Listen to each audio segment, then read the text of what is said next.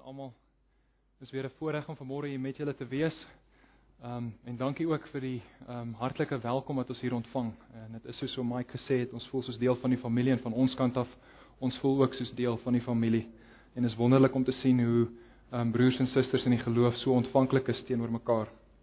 En dit is so anders as wat ons in die wêreld daar buite ervaar, ehm um, waar die wêreld ehm um, boos en ehm um, ingetrokke raak, waar ons meer gefokus raak op ons eie self, ek en myself.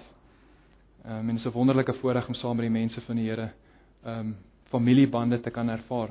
En is nou weer vanmôre waaruit ehm um, ons teksgedeelte uit Romeine 12 dan gaan ook praat van hierdie broederlike liefde onder onder die gemeente van God.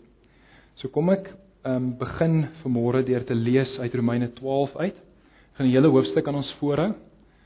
Ehm um, so Romeine 12 vanaf vers 1. Net so 'n bietjie agtergrond in die boek Romeine. Uh die boek Romeine word ingedeel in 3 in 3 dele. Die eerste deel gaan oor die mens se sonde en ellende, hoe groot daardie sonde en ellende is. Uh die tweede deel van die boek gaan oor hoe ons van daardie sonde verlos kan word. En die derde deel gaan dan oor hoe ons vir so 'n verlossing dankbaar moet wees. En dan hoofstuk 12 van Romeine lei dan daardie afdeling in oor hoe ons dankbaar moet wees vir hierdie verlossing wat vir ons bewerk is deur ons Here Jesus Christus. So kom ek lees die hoofstuk vir ons. Ek vermaan julle dan broeders by die ontferminge van God dat julle julle liggame stel as 'n lewende, heilige en aan God welgevallige offer. Dit is julle redelike godsdiens en word nie aan hierdie wêreld gelykvormig nie, maar word verander deur die vernuwing van julle gemoed, sodat julle kan beproef wat die goeie en welgevalle en volmaakte wil van God is.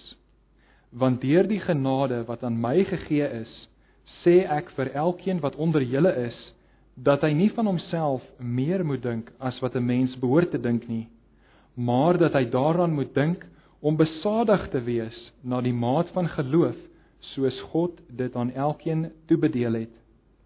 Want soos ons in een liggaam baie lede het en die lede nie almal dieselfde werking het nie, so is ons almal saam een liggaam in Christus en elkeen afsonderlik lede van mekaar.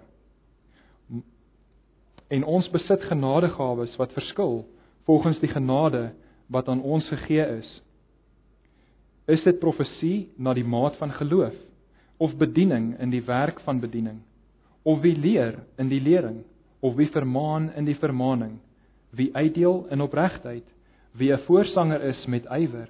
Wie barmhartigheid bewys met blymoedigheid? Laat die liefde ongeveins wees. Verafskie wat sleg is. Hang die goeie aan. Wees hartlik teenoor mekaar met broederlike liefde. Die een moet die ander voorgaan in eerbetoning. Wees nie traag in die ywer nie. Wees vurig van gees. Dien die Here.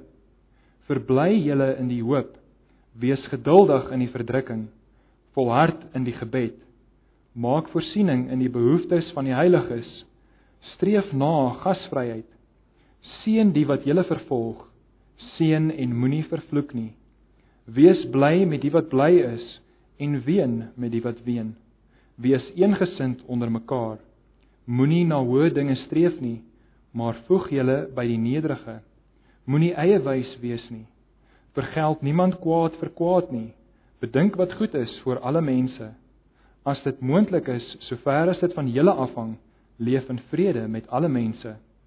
Moenie julle wreek nie, geliefdes, maar gee plek vir die toorn, want daar is geskrywe: Aan my kom toe die wraak. Ek sal vergeld, spreek die Here. As jou vyand dan honger het, gee hom iets om te eet. As hy dors het, gee hom iets om te drink, want sodoende sal jy op sy hoof vuurige kole ophoop. Laat jou nie deur die kwaad oorwin nie, maar oorwin die kwaad deur die goeie. Tot so die woord van die Here. Nou ons afkondigings vanmôre en ek neem aan baie van julle het julle blaadjies by julle. Die sendingsfokus ehm um, wat gaan oor Nigerië ehm um, en die uh, vervolging van Christene wat daarso plaasvind. Ehm um, ek het nou gisterand gesit en op die webwerf waar hierdie inligting vandaan kom gesit om inligting bymekaar te maak om hierdie preek in te lei vir julle, om 'n prentjie te skets van ons wêreld daar buite. Ehm um, min wetende dat hierdie in julle bulletin gaan wees vanmôre. So kom ek gee net vir julle 'n bietjie agtergrond in nuusgebeure hierdie week en hierdie is maar net 'n puntjie van die ysberg van die boosheid wat in die wêreld daar buite aangaan. Ehm um, waarvan ons nie eers alles bewus is nie. In die eerste plek hierdie week het ek 'n nuusberig gelees ehm um, van gebeure in Kanada waar ouers ouers vervolg kan word deur die reg omdat hulle aan hulle 14-jarige dogtertjie hormoonbehandeling weier omdat sy 'n geslagssiekte het tussen aanhalingstekens. Sy identifiseer haarself as 'n seun en daarom het die dokters vir haar voorgeskryf dat sy testosteroonbehandeling moet kry sodat sy meer manlik sal word. En die ouers kan nou vervolg word volgens die reg as hulle sulke behandeling vir hulle kinders wil weerhou. sien nie die boosheid in ons wêreld is dat die regering, die reg en die onderwysers by die skool nou meer mag het en meer autoriteit het oor die kinders as wat die ouers het wat deur God ingestel is. Ek herinner jy aan die wet van God wat sê dat ouers julle moet julle um, kinders julle moet julle ouers gehoorsaam wees. Die autoriteit wat God daar gestel het om die samelewing te beskerm, is die autoriteit van ouers teenoor hulle kinders. Dit is in die eerste plek waar autoriteit begin. En dan kring dit uit na die volgende en na die volgende. Man by die werk, vrou by die huis. Daardie geslagstrik of daardie autoriteitsstrukture um, wat in plek gestel is deur die Here word nou deur ons wêreld omgekeer en boos gemaak. In die tweede plek, ek weet nie van julle of julle al gehoor het van so 'n paar weke terug in Nieu-Seeland was daar 'n 'n jong man wat uh, by 'n moskee losgebreek het met 'n met 'n vuurwapen, 50 mense wat dood is in daardie aanval. Luister bietjie na die woorde van 'n baptiste um, seminarium se direkteur. Hierdie persoon is die direkteur van 'n baptiste seminarium. Hy gebruik woorde wat baie ehm um, dieselfde is as ons teks verworde vir veral vers 2 van ehm um, Romeine 12. Hy praat van word vernuwe in ons denke, maar luister mooi wat hy sê. Hy sê ons moet vernuwe word in ons denke deur moslems te sien as ons naaste en Islam en die profeet Mohammed en die Koran, te sien as 'n as gronde vir 'n oop dialoog en 'n vredesame samelewing.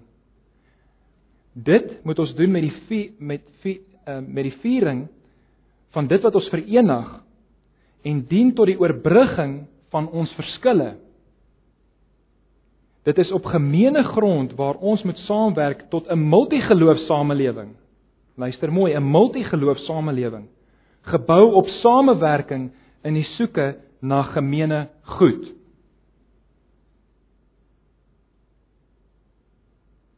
Dieselfde tyd wat hy hierdie gesê het, het hy verder in sy toespraak gesê, dit is in hierdie konteks, hierdie multigeloof samelewing, dat die uniekheid van Jesus en sy liefde gesien kan word met die uiteinde sy koninkryk te bou. Ek hoop van harte vanmôre elkeen van u wat hier sit en hierdie woorde hoor huil en ween diep in julle hart oor dit wat hierdie kerkleier gesê het. Broeders en susters, moord is nie reg nie. Wat daardie jong man gedoen het, is nie reg nie. Ons kan met met definitiewe oortuiging sê dat die oplossing vir die probleem is nie om die moslems met geweld te bestry nie. Maar dat ons as 'n Christen gemeenskap ook nie kan reageer soos hierdie kerkleier wil hê ons moet reageer nie. Begryp hierdie kerkleier wat die woord van God ons leer? Daarom het ek vanmôre hierdie teksgedeelte gekies en ek wil hê julle moet mooi luister na vers 9. Luister mooi na vers 9. Laat die liefde ongeveins wees. Die wêreld daar buite verkondig dat ons moet liefdevol wees. Dit hou aan ons self ons ons voor dat ons as Christene wat liefde verkondig, behoort liefde te bewys. En die wêreld klap hande vir hierdie direkteur van hierdie Baptiste seminarium oor dit wat hy gesê het. Maar dit is lynreg lynreg opponerend teer dit wat die woord van God ons leer. Dit praat hier van die liefde wat ongeveins moet wees, onvervals, eg, opreg. Nou hoe lyk hierdie opregte liefde? Hoe lyk hierdie opregte liefde? In die teksgedeelte gaan verder.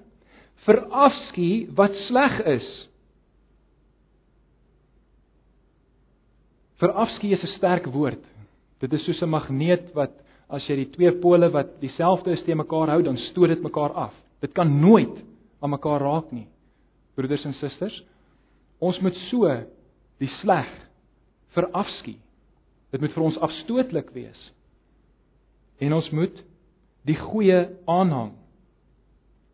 Nou ek hoop soos wat ek hierdie ehm um, hierdie aanhaling gelees het van hierdie persoon dat julle sou sien dat daar gepraat word van 'n gemeene goed in die samelewing. Nou dis dieselfde wat ons teks sê, daar's 'n goed en daar's 'n sleg. Maar ek hoop ook dat u kan sien dat die definisie van goed of sleg, die persoon wat bepaal wat daardie definisie beteken, is jou God. As ons as mense bepaal wat goed of wat sleg is, beteken dit ons is ons eie God. Ons bepaal.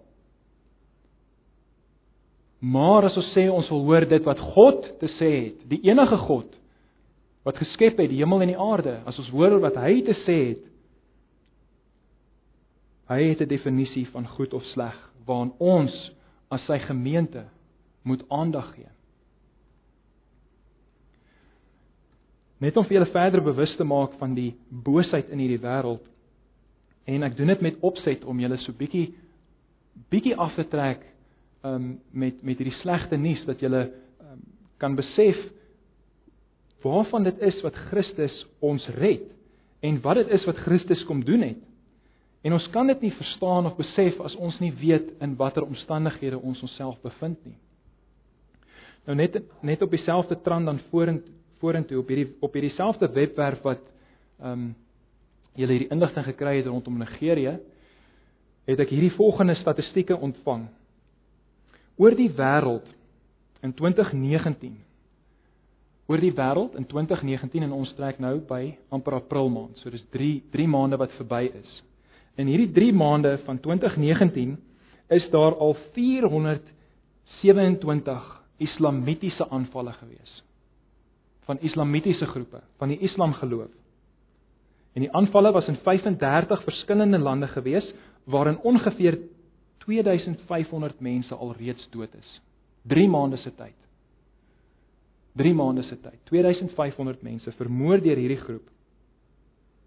Nog 2200 is beseer in hierdie selfde aanvalle. Nou kry ons een aanval op 'n moslemgroep in Nieu-Seeland en ons as Christene reageer volgens hierdie hierdie hierdie kerkleier moet ons reageer op 'n manier dat ons in samewerking met die moslems in een kultuur vir die gemeene goed moet stry. Broeders en susters, die Islam geloof is nie 'n geloof van vrede nie. Hulle aanbid 'n valse god. Hulle aanbid 'n valse god En ons wat noodwendig die ware God aanbid, kan nie kan nie vreedsaam met hierdie mense in eenheid saamleef nie. Ons teks roep ons op tot tot vrede. Ja, tot vrede. Maar dit is nie 'n vrede ten alle koste nie.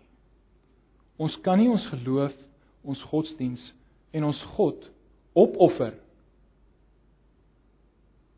ter wille van oënskynlike vrede met mense wat in vyandskap met God leef nie. Ons kan nie dit doen nie. Ons eerste oproep is tot vrede met ons God in die hemel. En dit beteken noodwendig vyandskap met die wat vyande van God is. Maar dan moet ons God se voorbeeld volg oor hoe hy sy vyande hanteer. En dit is waar ons teks ons dan aanspreek vanmôre. Hoe lyk daardie optrede van God teenoor sy vyande en hoe verwag hy ons wat deur sy genade gered is om op te tree?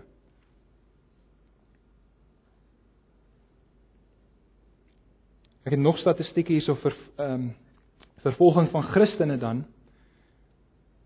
Vervolging van Christene dan net om die konteks weer duideliker te skep. Hierso's een aanval op moslems gewees ver van ons vandaan en hierso sien ons vervolging op Christene reg oor die wêreld. Verlede jaar is meer as 3000 Christene vermoor in lande wat op hierdie webtuiste se ehm um, uitkyk uh, blad is. Hulle het sekere lande wat hulle hulle op uitkyk en statistieke van daardie lande bymekaar maak. En op die top 10 lande waar Christene vervolg word, 8 van daardie top 10 lande waar Christene vervolg word, is moslemlande.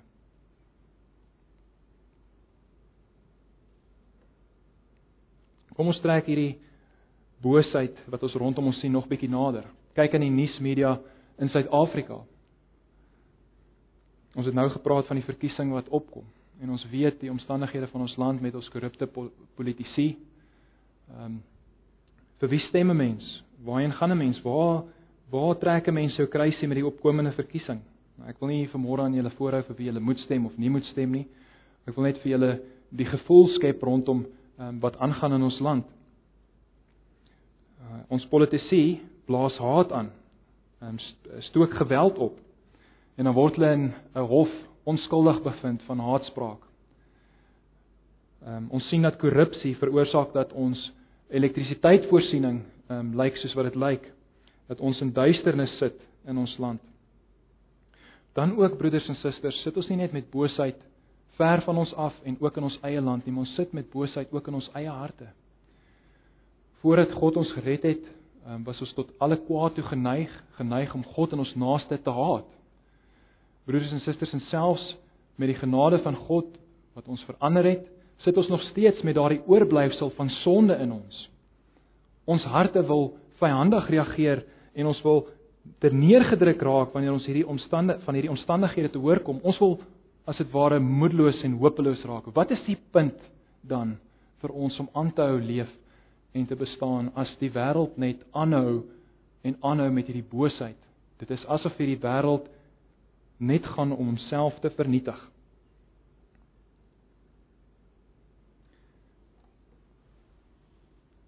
Maar vanmôre is ons boodskap een van hoop. Daar is hoop vir ons. Daar is 'n troos vir ons as 'n gemeente van ons Here Jesus Christus. En wat is hierdie troos? Wat is hierdie troos wat ons as 'n gemeente van ons Here Jesus Christus het? Ek weet nie wie van julle ken die Heidelbergse Katekismes nie. Dit is een van die geloofsbelijdenisse. Ehm um, dit het uh, dit is uh, dit het ontstaan voordat um, ons baptiste geloofsbelijdenis opgetrek is. Ehm um, dit kom van die Nederlandse kerke af. Die Heidelbergse ehm um, katekismes begin met hierdie eerste vraag: Wat is jou enigste troos in lewe en in sterwe?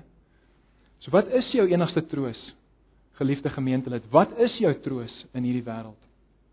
En ek hoop dat jy van harte kan saam sê met die Heidelbergse katekismes dat ek ek met liggaam en siel in lewe en in sterwe nie aan myself nie, maar aan my getroue verlosser Jesus Christus behoort. Hy het my met sy kosbare bloed vir al my sondes ten volle betaal en my uit alle heerskappy van die duiwel verlos. Hy bewaar my op so 'n wyse dat sonder die wil van my hemelse Vader geen haar van my kop kan val nie. Alles moet inderdaad tot my saligheid dien. Daarom verseker hy my ook deur sy Heilige Gees van die ewige lewe en maak hy my van harte gewillig en bereid om voortaan vir hom te leef. Dit is die troos wat ons het dat ons aan ons Here Jesus Christus behoort, dat ons in ons Here Jesus Christus is en daarom ons dag na dag in hierdie wêreld in hierdie wêreld kan voortstry.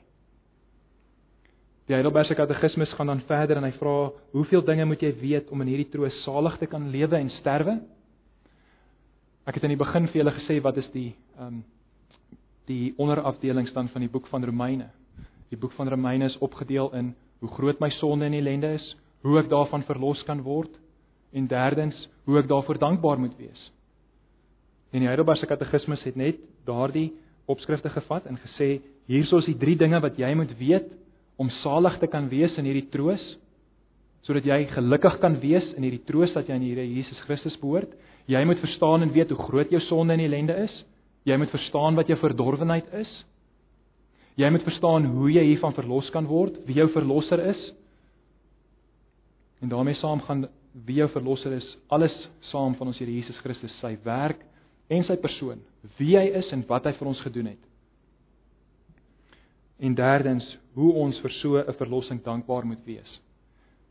U sien, ons kan nie net stop by die verlossing gedeelte nie. Daar is nog 'n lewe wat aangaan. Christus het ons nie net gered en nou uit hierdie wêreld uitgeneem en hemel toe gevat nie. Hy het ons hierso op hierdie aarde vir 'n doel. En daardie doel is om ons te vernuwe. Te vernuwe na die beeld van ons verlosser, die Here Jesus Christus.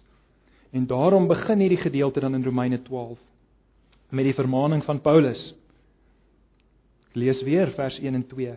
Ek vermaan julle dan broeders by die ontferminge van God dat julle julle liggame stel as 'n lewende, heilige en aan God welgevallig offer. Dit is julle redelike godsdiens. En word nie aan hierdie wêreld gelykvormig nie, maar word verander deur die vernuwing van julle gemoed sodat julle kan beproef wat die goeie en welgevalle en volmaakte wil van God is.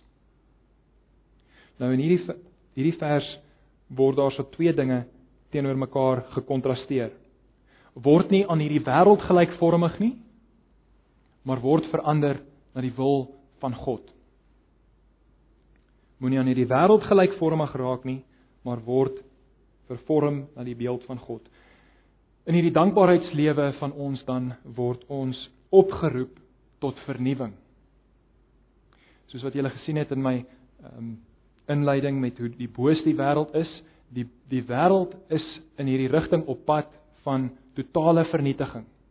Sonde, baar sonde, baar sonde, baar dood op die einde. Alles gaan tot niks, vernietigend. Maar Christus het gekom om ons te red en ons nuut te maak.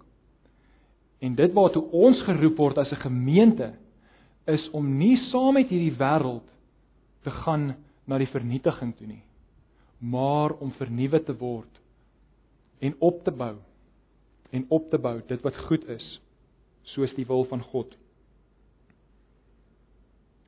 Ek gaan vra dat julle na Jesaja 5 toe draai, Jesaja 5 vers 20.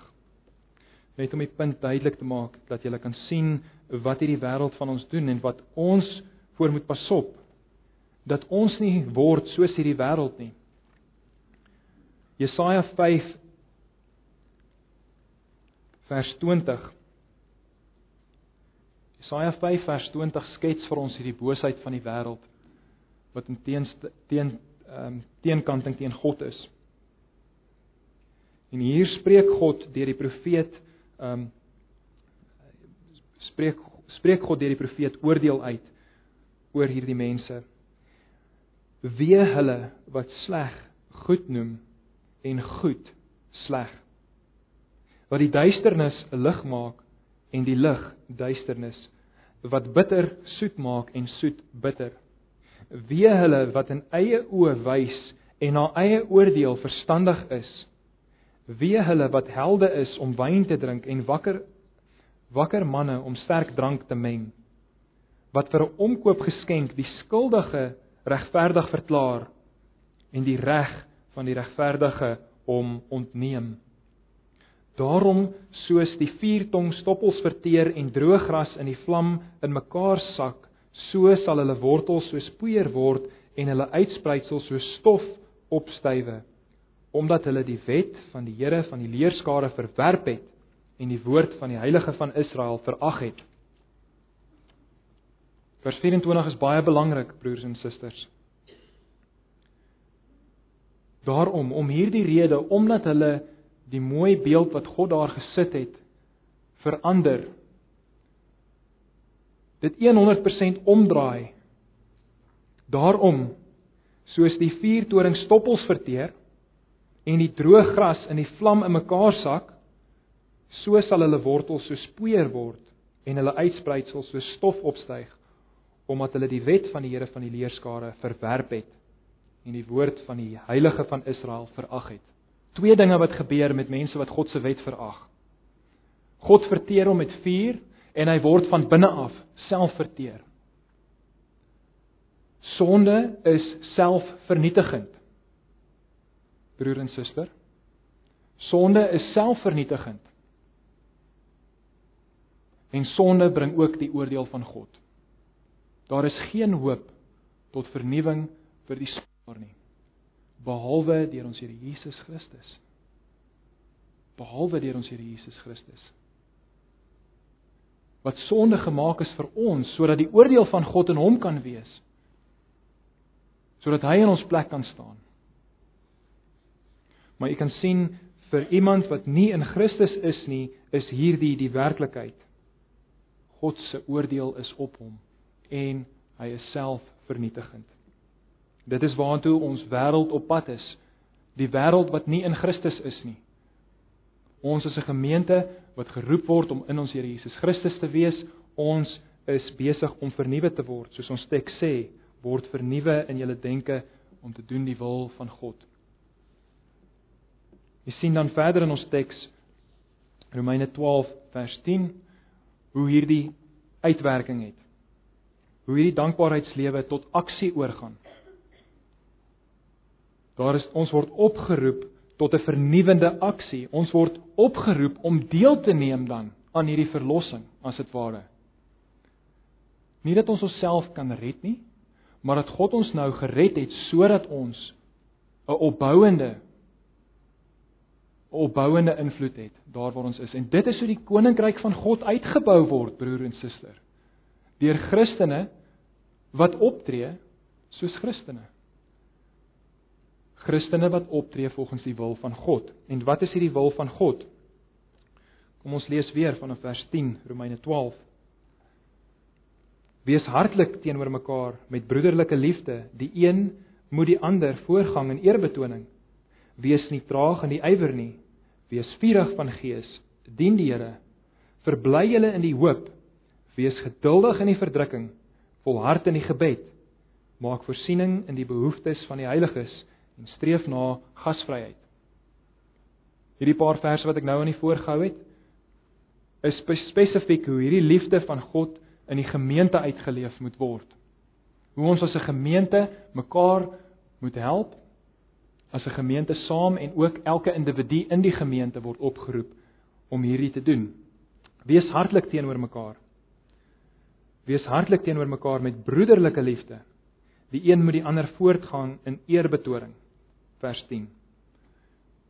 Moenie wag totdat iemand in die gemeente iets vir jou doen nie. Wees altyd gereed om te sien waar daar nood en behoefte in die gemeente is. Vir wie kan ek vandag iets doen? Vir wie kan ek vandag iets beteken? Ons is opgeroep om bruikbare middele in God se hand te wees.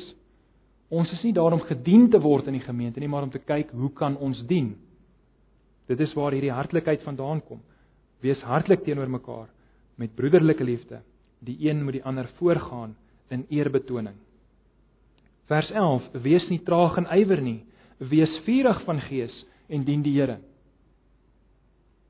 Broer en suster, ons word nie geroep om kerk toe te kom met lang gesigte hangende skouers onsself hier in te sleep moedeloos ah. ons word opgeroep om vurig in te stap wees vurig van gees. Dien die Here. Wanneer ons bymekaar kom as 'n gemeente is daar 'n opbouende is daar 'n 'n vurigheid in ons 'n energie wat nêrens anders in die wêreld gekry kan word nie. Daar word lewe in ons geblaas deur die Heilige Gees. Bewys daardie lewe wat in jou geblaas word deur die Heilige Gees, deur jou optrede, deur jou vurigheid, deur jou ywer. Hierso spreek Paulus dan ons harte aan om vurig te wees vir die Here. Vers 12 dan verbly julle in die hoop. Wees geduldig in die verdrukking en volhard in die gebed. Hier is ons drie opdragte: verbly julle in die hoop, wees geduldig en volhard in gebed. Verbly julle in die hoop. Wees bly oor die hoop wat ons het. Ja, ons het nou net gesien die omstandighede waarin ons is en die wêreld waarin ons leef, die boosheid van die wêreld. Maar ons het 'n hoop. Ons het hoop omdat God ons verlos het. Christus het vir ons gesterf en hy het opgestaan as 'n bewys dat ons sonde betaal is.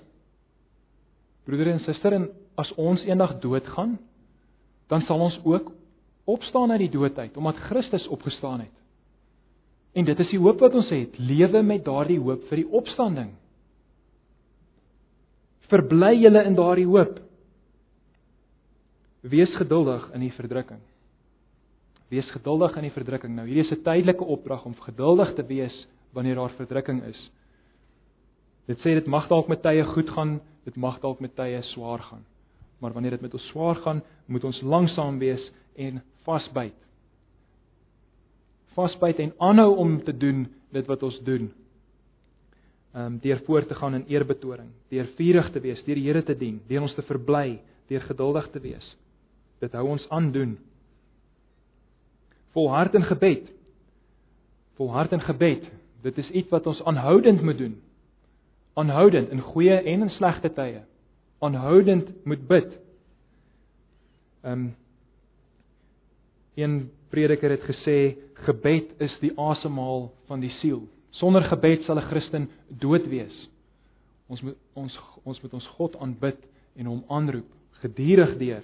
Ons moet hierdie um, verhouding wat ons met ons Here het wat hy kom herstel het, moet ons um, in deelneem deur te bid, deur God aan te roep. Laastens dan in die gemeente moet ons voorsiening maak vir die behoeftes van die heiliges. Maak voorsiening in die behoeftes van die heiliges. Broers en susters, en hierdie is dalk nie 'n gewilde ehm, 'n um, gewilde onderwerp nie, maar om voorsiening te maak vir die behoeftes van die heiliges beteken ook dat ons eers moet omsien na ons eie mense, na ons eie gemeente voordat ons verder kan omsien na behoeftes verder daar buite. God roep ons op om eers ons eie huisgesin, ons eie gemeente um se behoeftes te voorsien. So ons kan nie daarop roem dat ons soveel doen vir mense buite die gemeente. Ons het byvoorbeeld sopkombuise of uitreike of en ons mense in ons eie gemeente wat groot nood en behoefte het nie. So maak seker dat die nood en die behoeftes in jou in ons eie gemeentes raak gesien word. Dat ons eers daaraan aandag gee. Want sodoende maak ons ons getuienis sterker wanneer ons dan verder gaan. Ek sê nie ons moet nie verder gaan as ons eie gemeente in uitreike nie. Wat ek wel sê is maak seker dat die behoeftes van ons eie gemeentes eers te voorsien word. Laastens dan streef na gasvryheid. Streef gasvryheid na. Wees inneemlik teenoor mekaar, neem mekaar in en dit is hierdie broederlike liefde waarvan ons gepraat het. Um, dankie ook vir die ontvangs dan in die gemeente wat ons hierdie warm gevoel van liefde het en familie familie liefde kan ervaar hierso. Dit is werklik 'n voorbeeld hiervan. Dan skuif ons gedeelte aan na hoe ons liefde as 'n gemeente moet lyk in die wêreld rondom ons. In die wêreld rondom ons. So die eerste gedeelte van Romeine 12 vers 10 tot 14 het ekskuus vers 10 tot 13 het gepraat van hoe ons liefde in die gemeente onder mekaar moet lyk. Nou gaan ons oor na hoe ons liefde van die gemeente in die wêreld moet lyk. Seën die wat jou vervolg, seën en moenie vervloek nie. Seën die wat julle vervolg, seën en moenie vervloek nie. Hierdie opdrag word herhaal want dit is so 'n moeilike opdrag. Seën die wat julle vervolg. Net om seker te maak jy het reg gehoor, seën hulle en moet hulle nie vervloek nie. Net om seker te maak jy verstaan, seën hulle en moet hulle nie vervloek nie. Daarom word dit vir ons herhaal want dit is iets wat so onnatuurlik is. Maar hoekom word ons opgeroep om dit te doen? Jy het gesien dat ek vroeër gesê het, die natuurlike gang van hierdie lewe is na vernietiging toe. Sonde, baar sonde, baar sonde, baar die dood. God roep ons op om nie deel te neem aan hierdie bose kringloop van boosheid wat boosheid wat boosheid voortbring nie, maar roep ons op om te seën eerder as te vervloek. Ons word opgeroep om die voorbeeld van ons Here Jesus Christus te volg wat toe ons hom vervloek het, toe die wêreld hom vervloek het aan die kruis. Het hy gesê, Here vergewe hulle want hulle weet nie wat hulle doen nie. Christus het tot op die einde toe seën uitgespreek oor die wat hom vervolg het. Christus het nie gekom om te oordeel nie, maar gekom om die wêreld te red. So broeders en susters, jy word opgeroep om op te tree soos jou Here Jesus Christus. Seën die wat julle vervolg, seën en moenie vervloek nie. Al hierdie opdragte, broeders en susters, moet gesien word in die lig daarvan dat die Here Jesus Christus ons koning is. Dit is wie hy is. Hy is ons profeet, hy is ons priester, maar hy is ook ons koning en dit is een van die aspekte wat ons as Christene so maklik uit die oog uit verloor is dat hy ons koning is en hy heers en hy vereis van ons dat ons sy koninkryk soek. En hier is hoe ons sy koninkryk soek. Seën die wat julle vervolg. Seën en moenie vervloek nie. Watter ander geloof ken u? Watter ander geloof ken u wat so optree? Of wat dit van 'n mens vereis? Nog 'n voorbeeld in die media in hierdie week. Ehm um, een van die politikuste, ek kan nie nou herroep wie dit was nie, maar van ehm um, ehm uh, van Turkye het in die openbaar oor die nuus gesê dat hulle sal wraak neem. Die moslems moet wraak neem vir dit wat gebeur het in Nieu-Seeland. Hulle word opgeroep tot wraak. Dis so in teenstelling met dit wat ons as Christene toe opgeroep word in hierdie teks: seën die wat julle vervolg, seën en moenie vervloek nie. Nou broeders en susters, bietjie moeiliker is dit vers 15 praat van wees bly met die wat bly is en ween met die wat ween. Nou rede hoekom dit moeilik is is want ons baie ehm um, predikers en kommentators wat ek hierdie week probeer opvolg het om te sien hoe pas hierdie dan in by die gemeente se lewe in die wêreld. Ek het altyd verstaan dat wees bly met die wat bly is en ween met die wat ween iets is wat ons in die gemeente doen. Dat ons nie eensgesind kan wees met mense buite die die wêreld nie nou ehm um, van die antwoorde wat ek self gekry het hieruit, wees bly met die wat bly is en ween met die wat ween, is net 'n oproep vir ons om nie um onnatuurlik te wees met mensheid nie.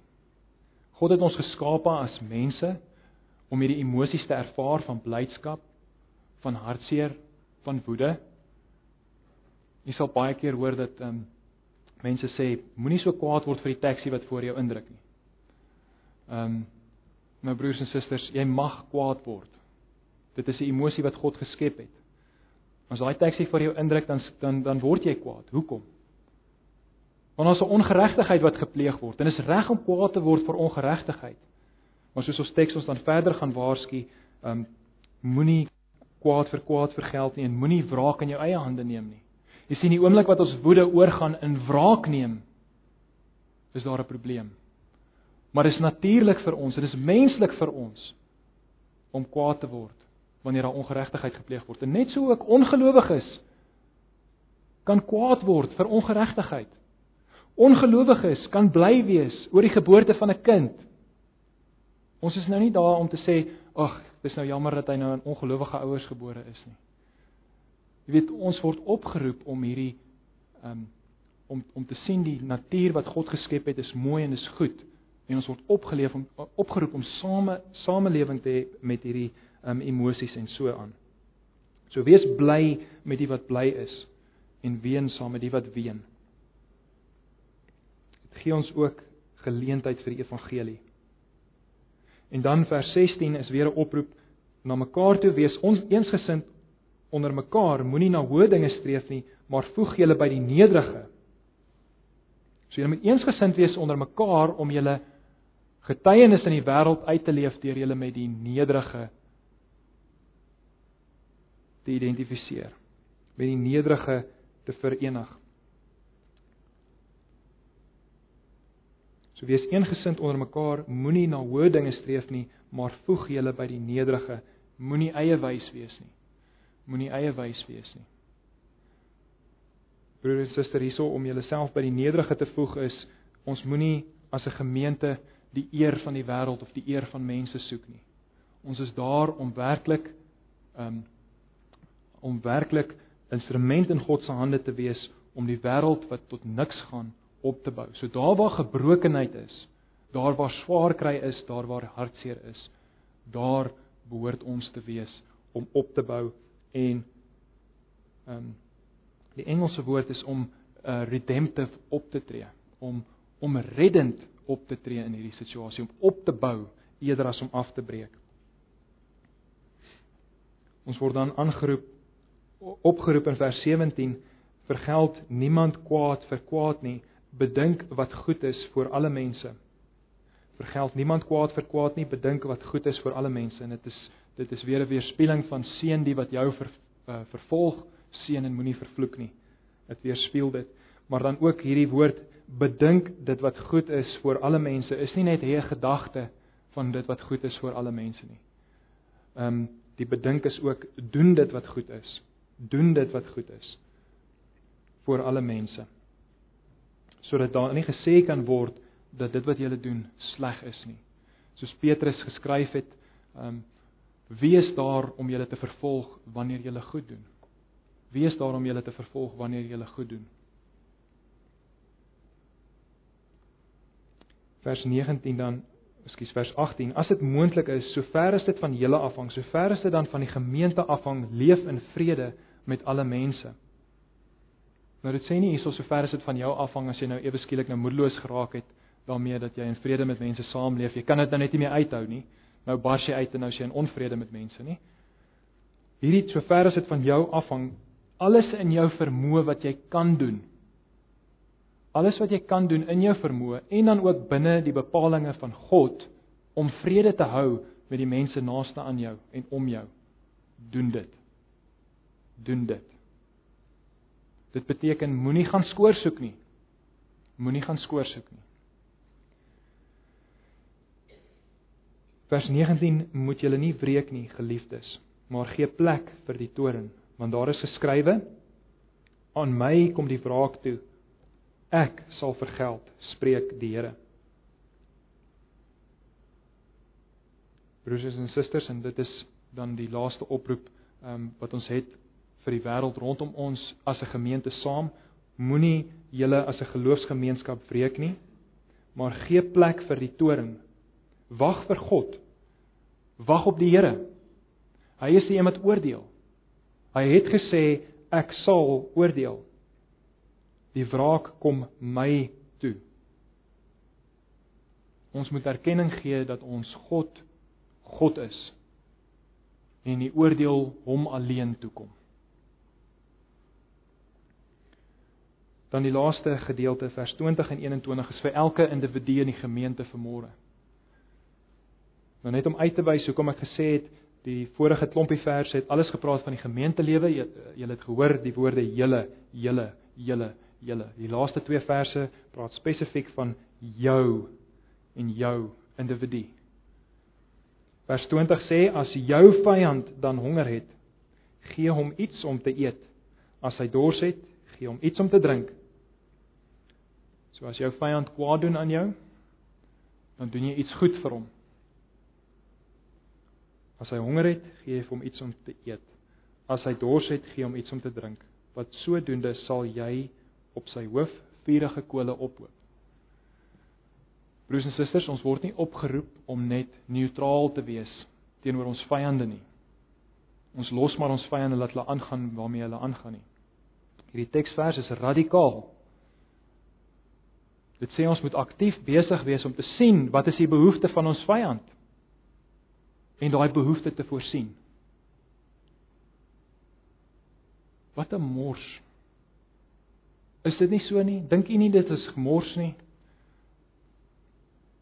Gemorste geld, gemorste kos, gemorste water. Hoekom sal ek vir hom kos en water gee? Hy staan my vyand. Ek onderhou nou sy vyandskap teenoor my want ek voed hom.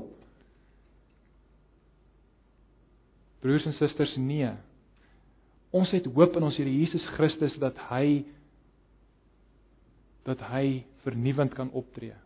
En hy roep ons om op 'n vernuwende wyse op te tree. Wat sê dit van ons as Christene wanneer ons ons vyande dan kos en water gee? En in sy behoeftes voorsien. Ek vertrou op die Here Jesus Christus dat hy my sal beskerm en my sal bewaar. En daarom sal ek sy opdrag gehoorsaam wees om aan jou goed te doen. Watter getuienis gee dit vir die wêreld? Watter mag vir evangelisasie gee hierdie in jou hand? Dit beteken nie dat jy kan oploop jy, jy nou oploop na elkeen en toe begin net gesels oor die Here Jesus Christus nie. Hier gee dit vir jou 'n praktiese hulpmiddel. Hoe kan jy jou vyande tot bekering roep? Voorsien in sy behoeftes. Hoekom sou jy aan my goedheid bewys? Hoekom sou jy my kos gee? Hoekom sou jy my water gee? Al wat ek doen is vyandskap teenoor jou gee. En jy sê maar my God het my opgeroep daartoe om te voorsien in jou behoeftes. Dan die laaste vers: Laat jou nie deur die kwaad oorwin nie, maar oorwin die kwaad deur die goeie. Jy sien ons weer terug by daardie siklus. Of jy's in die siklus wat op pad is na vernietiging toe, of jy is vernuwe in jou gees deur die Heilige Gees, ons Here Jesus Christus op pad met hierdie pad van opbouing en herstel. En dit is dan hierdie dankbaarheidslewe is nie net een van baie dankie Here dat U my gered het en nou gaan ons aan nie.